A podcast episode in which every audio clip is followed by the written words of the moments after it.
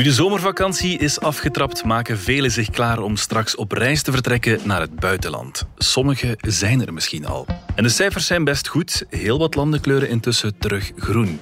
Dat reizen weer mag, zorgt voor euforie in reislustige hoofden. Maar onder virologen heerst toch ook wat nervositeit rond de zogenaamde Delta-variant. Die houdt lelijk huis in landen met weinig vaccins, maar baart ook elders zorgen. Ook in landen waar de vaccinatiecampagne goed loopt. Dreigt de Delta-variant de zomereuforie te temperen?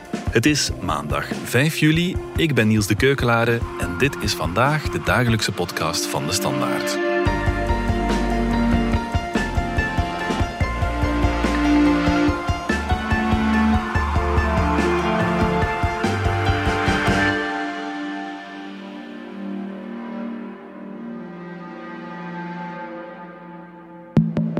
Nous devons tous être vigilants parce que le fameux variant Delta arrive. In the variant which we now refer to as Delta, variant. or the B1617.2, which in fact as you know, originally was noticed in India. Die Delta Delta variant macht uns natürlich Sorgen. Is presenting very different challenges uh, from those that we have faced in the past. At the moment, we're so worried about the uh, the Delta variant. the spread of the Delta variant in this country. Alpha, Delta, the, the, the lot of them, Kappa. Delta Die variant. Delta-Variante zu ignorieren wäre ein schwerer Fehler. This is a serious concern. Wetenschapsjournalist Dries de Smet. Ik moet zeggen, ik ben net gevaccineerd en eigenlijk lig ik niet wakker van de Delta-variant. Ja, dat zullen we zien als je dat straks ook nog denkt na deze podcast. Ja, ja. Wat is de Delta-variant en waar komt die vandaan? Ja, de Delta-variant die is eh, beter bekend als de Indiaanse variant. En dat verraadt het natuurlijk al een beetje. Dus eerst vastgesteld in eh, India. Het is niet zeker dat hij daar vandaan komt. Ehm, maar goed, hij, hij is daar wel zeker verspreid geraakt. Ehm, en van daaruit ook verspreid naar heel de wereld. Onder andere ook in het Verenigd Koninkrijk. Ja. Die grote historische banden heeft met, eh, met, met India. Ehm, daar, is hij ook, eh, ja, daar is er ook wijd verspreid geraakt en is daar ook nu, nu dominant. En dat is waarschijnlijk iets wat we ook in heel veel landen zullen zien gebeuren. Oké, ja, die zit eigenlijk al overal een beetje. Ja, als je kijkt naar de wereldkaart, dan zie je dat die daar bijna overal opduikt. En we weten het niet van alle landen, omdat ze dat niet in elk land gaan controleren met welke variant iemand besmet is. Maar je ziet dat die overal aan het stijgen is. Ja, je ziet dat de, het SARS-CoV-2-virus dat dat muteert. Ehm, en dat muteert voortdurend. Dat hebben we al van in het begin gezien. En op een gegeven moment ontstaat uit die vele mutaties een mutant die er anders uitziet en die zich ook anders gaat gaan gedragen. En dan spreken we eigenlijk van een zorgwekkende variant. En dat is ook bij de Indiaanse variant gebeurd, of de Delta-variant. Ja, ja. Dat daar een aantal mutaties zijn ontstaan die dan er plots voor zorgen dat die ja, op een andere manier zich verspreidt, besmettelijker wordt en eventueel ook immuniteit omzeilt. Oké, dus kunnen we zeggen hoeveel besmettelijker deze variant is ten opzichte van het ja, gewone, tussen haakjes, coronavirus? Ja, dat kunnen we. Eh, Dus als je, zeker als je naar het Verenigd Koninkrijk kijkt, waar men toch heel veel gaat gaan, gaan sequencen, wat dat betekent, men gaat gaan kijken welke variant, met welke variant is iemand nu besmet. Daar zie je, als je, als je kijkt tussen de verschillende verspreidingen tegenover de alpha-variant, dus de Britse variant, dan zie je dat die ongeveer de helft besmettelijker is. Ehm, En de alpha-variant, of dus de Britse variant, die was al de, de helft eh, besmettelijker. Dus zitten we nu aan dubbel zo besmettelijk als de oorspronkelijke variant die uit Wuhan komt. Mhm. Ja, maakt het dan veel uit dat deze variant besmettelijker is? Ja, dat maakt zeker uit. Ehm, als je het virus wil bestrijden en je wil de epidemie indijken, ja, dan moet je er eigenlijk voor zorgen dat eh, er weinig anderen nog besmet geraken. En dus eigenlijk, het is si- simpele wiskunde. Je moet ervoor zorgen dat iedereen die besmet is, gemiddeld nog maar één iemand anders besmet. Of minder dan één iemand anders besmet. En dan dooft die epidemie uit. Nu, als een variant veel besmettelijker is, dat wil zeggen dat als jij besmet bent, dat je waarschijnlijk veel meer anderen zal aansteken dan bij een minder besmettelijke variant. Ja, ja. En om het heel concreet te maken, bij de oude variant die uit Wuhan komt, gingen we ervan uit dat ongeveer, dat je, als, je, als je besmet was, dat je drie anderen besmette, is een gemiddelde. En bij die nieuwe variant is dat dubbel zo hoog. Dat wil zeggen dat je zes anderen besmet. Dus het is veel moeilijker om die epidemie in te dijken. Ja.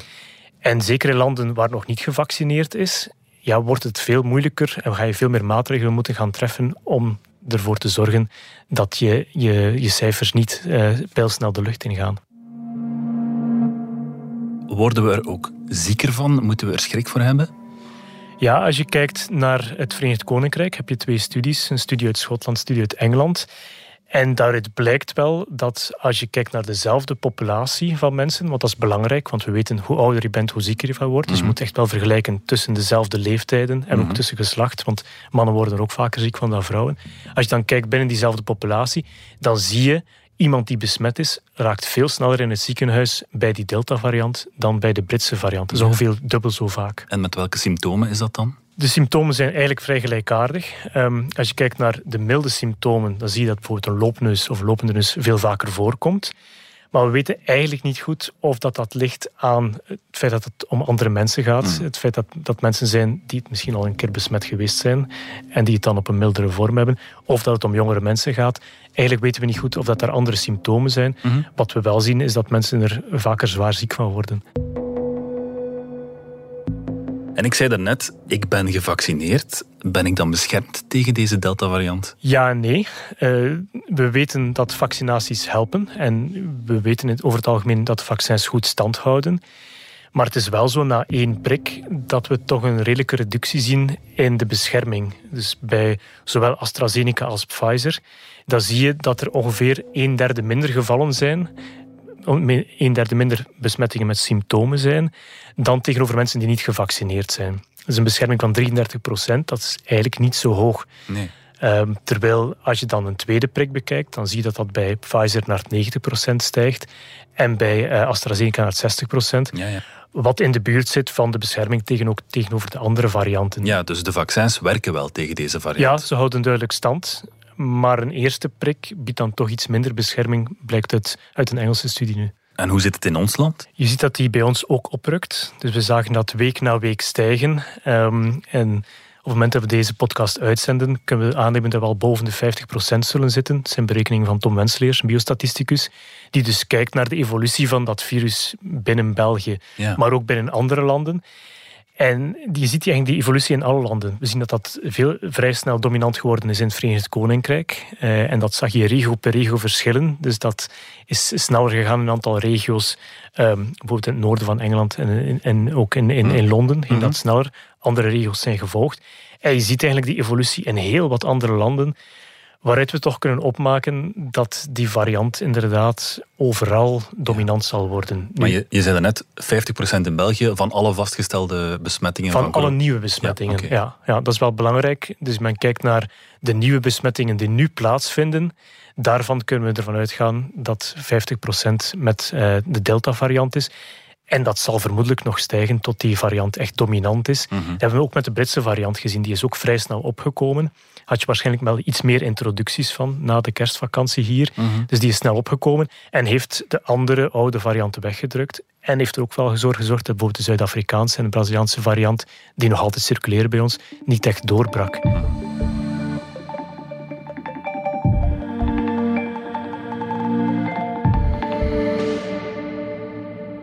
Dries, heel wat mensen gaan op reis deze zomer. Schuilt daar een gevaar in wat de verspreiding van de Delta-variant betreft? Vermoedelijk wel. Als je kijkt naar vorige zomer, um, herinner je toen, toen mochten we ook op reis.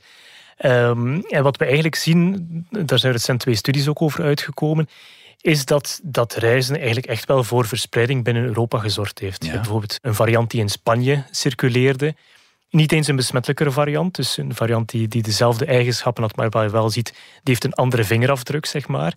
En je ziet eigenlijk heel mooi, sinds dat de grenzen opengegaan zijn, is die variant gaan verspreiden binnen heel Europa. Ja, maar toen waren er nog geen vaccins natuurlijk. Nee, dat klopt. Dus die verspreiding is ertoe gekomen van mensen die niet gevaccineerd waren. Nu heb je inderdaad veel meer mensen die gevaccineerd zijn.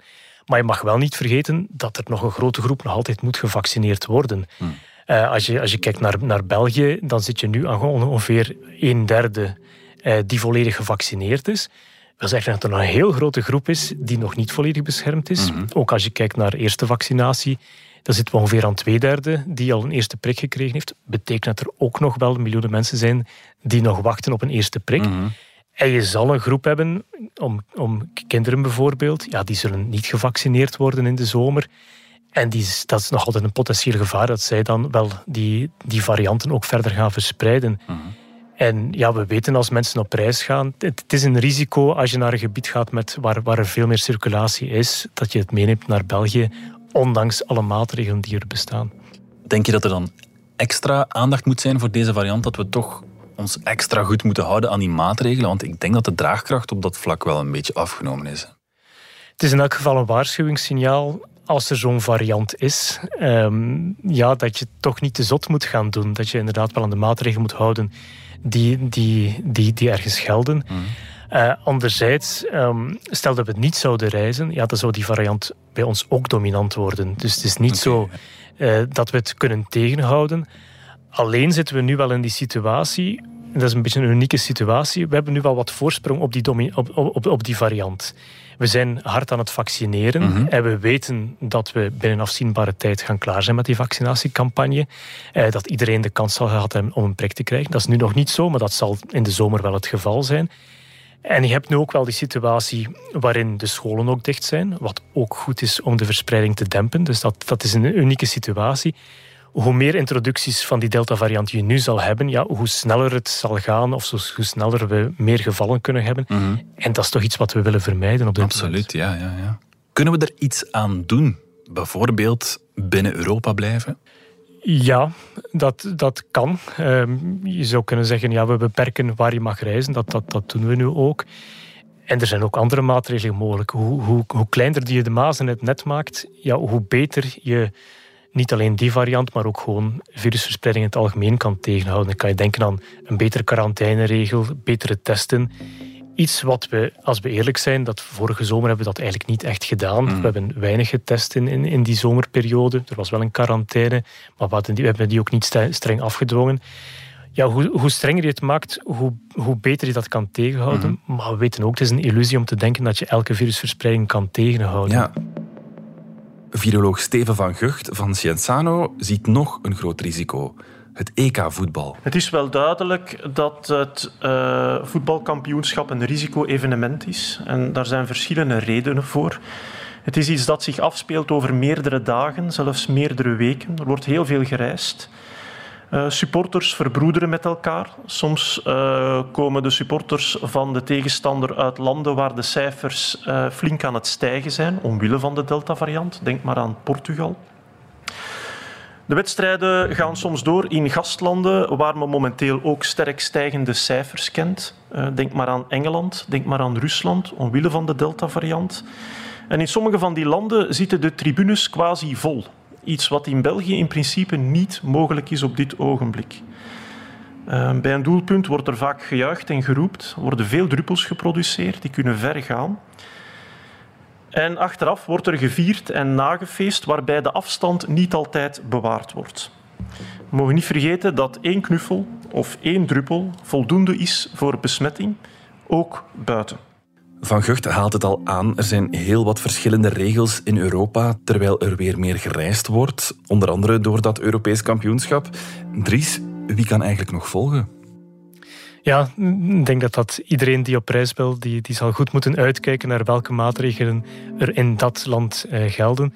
Dat is wat jammer als je kijkt naar Europa. We hebben een, een, Europese Unie zou denken, je kan daar dan ook maatregelen gaan maken om dat uniform, of eh, je kan ook afspreken om dat uniform te gaan maken. Hm. Men heeft dat voor een stuk gedaan met dat groene paspoort, maar je ziet dat elk land dat toch weer op een eigen manier invult. Eh, en dat zal helaas voor deze pandemie nog niet, uh, nog niet opgelost zijn. Nee. Geloof jij in dat paspoort, dat coronacertificaat? Ik denk dat het zeker kan helpen. Uh, het is niet de oplossing, maar anderzijds zie je wel enerzijds je kan het paspoort op verschillende manieren krijgen. Ofwel ben je gevaccineerd, ofwel doe je een test. Ofwel kan je aantonen dat je al besmet bent geraakt, waardoor je eigenlijk ook beschermd bent. Mm. En je ziet dat dat paspoort wel helpt om mensen over de streep te trekken om zich te laten vaccineren. Dus dat is op zich al een bonus van, van, dat, van dat paspoort. En anderzijds dat je je moet laten testen om dat certificaat te krijgen. Dat zorgt toch opnieuw voor een extra bescherming. Op die manier zou je toch een aantal besmettingen er opnieuw tussenuit halen. Dus het zal zeker helpen. Oké, okay, ja. En stel dat ik nu besmet raak op reis, maakt het dan iets uit of ik de Delta-variant of een andere variant uh, heb opgelopen? ik hoop voor jou dat je zeker niet besmet geraakt. Maar als je kan kiezen, ja, dan kies je liever niet voor een besmettelijker variant of een ziekmakendere variant. Dus als, als, als, je, als je kan kiezen, kies dan voor de oude variant. Nu, die circuleert bijna niet meer. Dat is heel opmerkelijk, maar je hmm. ziet bijna geen enkele besmetting meer met de Wuhan-variant. Hmm. Dus het komt bijna niet meer voor. Dus die is volledig weggedrongen. Uh, maar als je, als een, een, een besmettelijker variant, ja, dat is niet alleen gevaarlijker voor jezelf, um, maar ook voor je omgeving. Want dat betekent dat je ook andere mensen weer kan aansteken die ofwel nog niet gevaccineerd zijn, ofwel waarbij het vaccin ook niet aanslaat. Maar mogen we ook niet vergeten dat ja, die werkzaamheid van het vaccin ook niet bij iedereen perfect is. Er zijn een aantal mensen die, die weinig uh, immuunrespons hebben en die dus ook weinig beschermd zijn.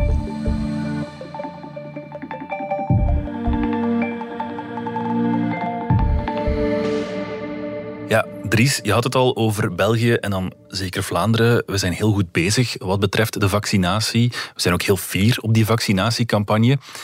Kunnen we hier een echte opflakkering vermijden als we nu nog een extra tandje bijsteken met de vaccins? Het zal zeker helpen. Uh, we zien dat die vaccins werken en ook tegen een Delta-variant.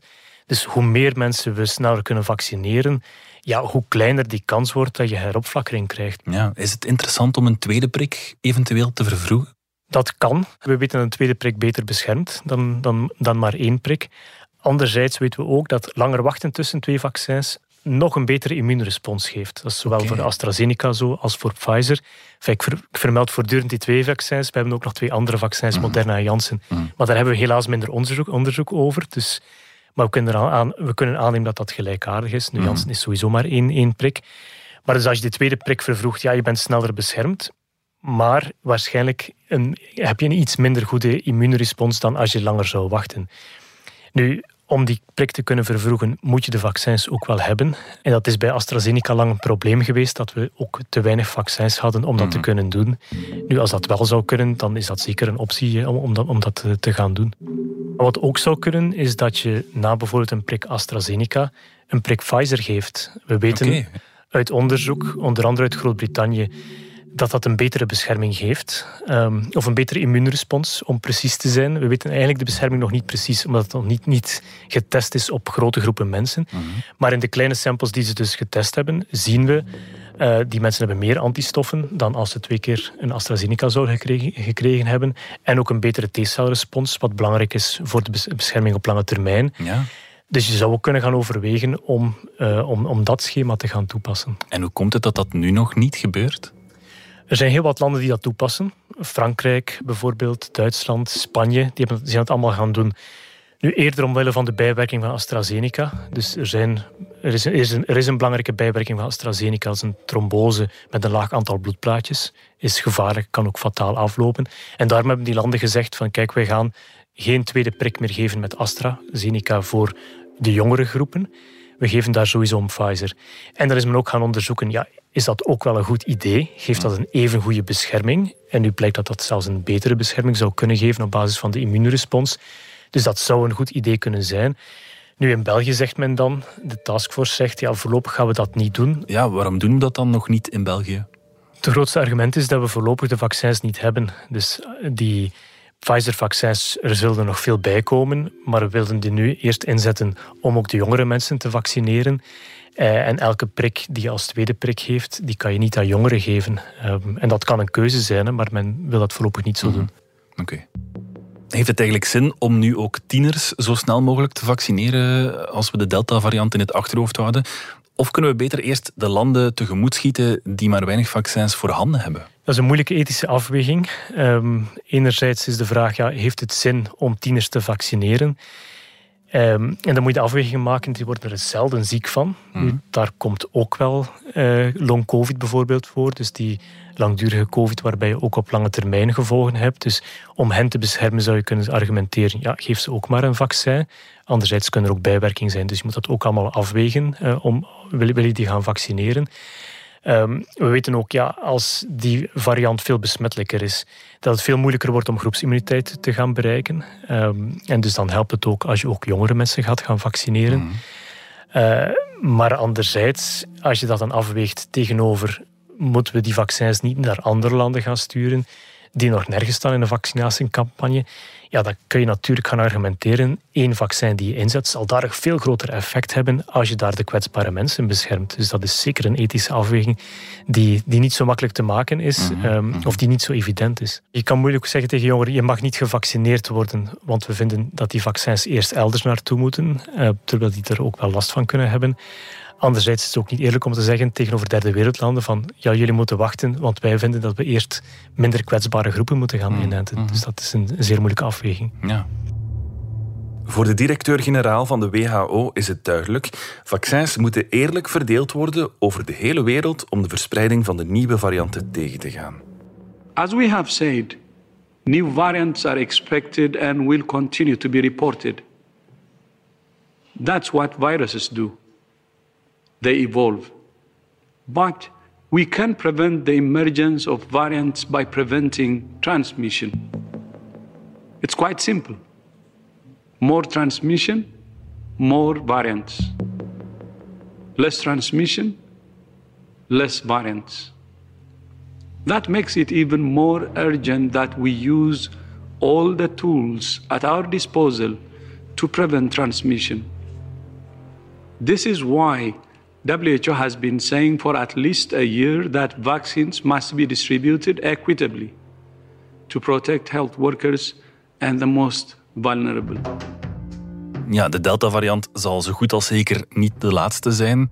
Moeten we ons opmaken voor jaren van versoepelingen, dan weer verstrengingen en dan opnieuw versoepelen en gaan ze maar door?